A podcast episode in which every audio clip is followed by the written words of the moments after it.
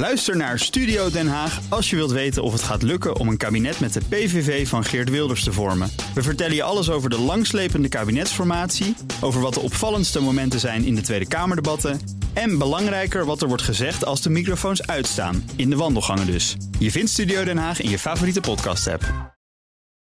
Auto-update. Ja, autoloog is uh, Nout Broekhoff van de Nationale Auto Goedemorgen. Goedemorgen. Ja, nog even doorgaan met de ellende rond Nicola, de elektrische autobouwer uit Amerika... die met een fake video een vrachtauto van de berg liet rollen zonder motor. En Ja, daarmee ja, en op- beleggers aan eh, wist te binden. Ja, nou, oprichter Trevor Milton die stapt in ieder geval vrijwillig op als voorzitter nu eh, van het bedrijf. Er is inderdaad een rapport verschenen van de Hindenburg Research Group. Eh, investeerder is dat.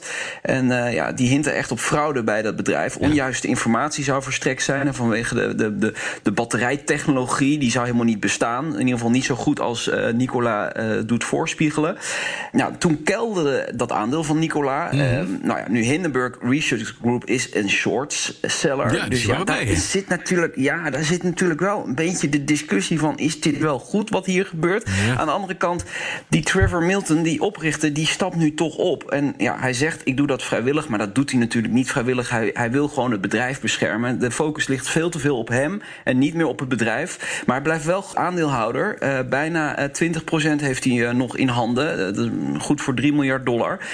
Maar goed, ja, laat zo zeggen... het bedrijf zit in een lastig parket, zoals we dat dan zeggen, hè, Bas? Ja, precies. Dat is inderdaad nogal groot lastig visraadpakket. Ja, en ze, en ze hebben gewoon nog heel weinig laten zien. Hè? Volgens Ja. mij bijna nog helemaal niks. Nou ja, wat ze laten zien was een fake videootje. Dus dat is het Ja. wat we weten, ja.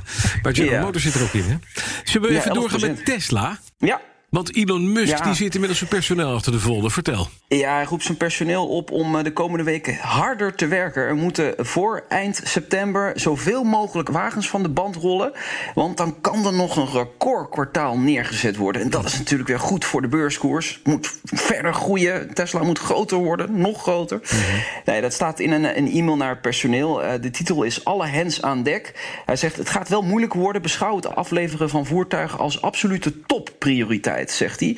Eh, en eh, ja, hij wil eh, dit jaar een half miljoen voertuigen voor het eerst afleveren. En ja, dit kwartaal is natuurlijk dan wel erg belangrijk om, om extra stappen te zetten. Morgen trouwens de Battery Day. De nieuwe ontwikkelingen op batterijtechnologie van Tesla. Ik denk dat op die dag ook wel weer de koers met een aantal procenten gaat stijgen. You never know. Dan heb je nieuws over de RDW, de Rijksdienst voor het Wegverkeer. Ja, kijk, ehm, er is een onderzoek gaande naar Dieselgate. Twee verdachte dieselauto's, hè, Suzuki Vitara en eh, de Jeep Grand Cherokee. Do- doen ze echt al heel lang onderzoek naar, al jaren. En het rapport is zo goed als af, zegt Paul Dietz van de RDW.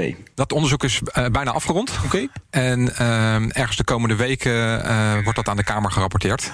Ja, dus ergens de komende weken weten we wat daar nu uit is gekomen. Hij zegt eh, wel al iets over die resultaten. De eh, fabrikanten eh, hebben de resultaten van de RDW niet ter discussie gesteld. Met andere woorden, er zit wat aan te komen op dat vlak, Bas. Zo, ben benieuwd. Ja, ja, Ja. dat zou dus waarschijnlijk kunnen eh, betekenen dat, maar het speculeren natuurlijk, dat eh, die eh, auto's van de weg gehaald moeten worden. Zo. Of in ieder geval zo snel mogelijk terug moeten naar de garage. Maar Ja. goed, dat is nog even niet duidelijk. Binnen enkele weken verwacht ik duidelijkheid. Oké, dan nog even heel kort. BMW komt deze week met nieuws. Ah ja, lekker, lekker. Eh, de nieuwe M3 en de nieuwe M4. Allebei deze week eh, gepresenteerd op woensdag waarschijnlijk. Ja. Eh, de teasers zijn vrijgegeven. Ja, dit zijn de modellen voor de puristen.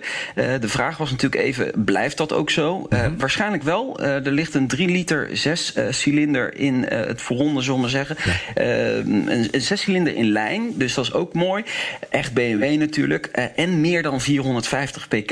En ook opties met achterwielaandrijving. Ja, het mooiste is, ik hoor nergens elektra, batterijpakketten, elektromotoren. Niets. Nee, maar goed, BMW heeft eh, hint natuurlijk op twee gedachten. Ze hebben ja, en natuurlijk de auto's voor de puristen. en er komt een heel e-label, zijn laat ze me uit de nou even- stappen. Laat me nou even in het... Hè? Ik ben even bij. Ja. de waan. In de waan. Laat nou in de waan dat, het, ja, dat er echt het nog auto's voor nog kan. puristen zijn. Gewoon Zes cilinder, 400 pk, achterwielendrijving. Nout Broek op mijn dag kan niet stuk. Dankjewel. Graag gedaan. De BNR Auto Update wordt mede mogelijk gemaakt door Lexus. Nu ook 100% elektrisch. Ook Bas van Werven vind je in de BNR-app. Ja, je kunt live naar mij en Iwan luisteren tijdens de ochtendspits. Je krijgt een melding van Breaking News. En niet alleen onze podcast Ochtendnieuws, maar alle BNR-podcasts vind je in de app. Download nu de gratis BNR-app en blijf scherp.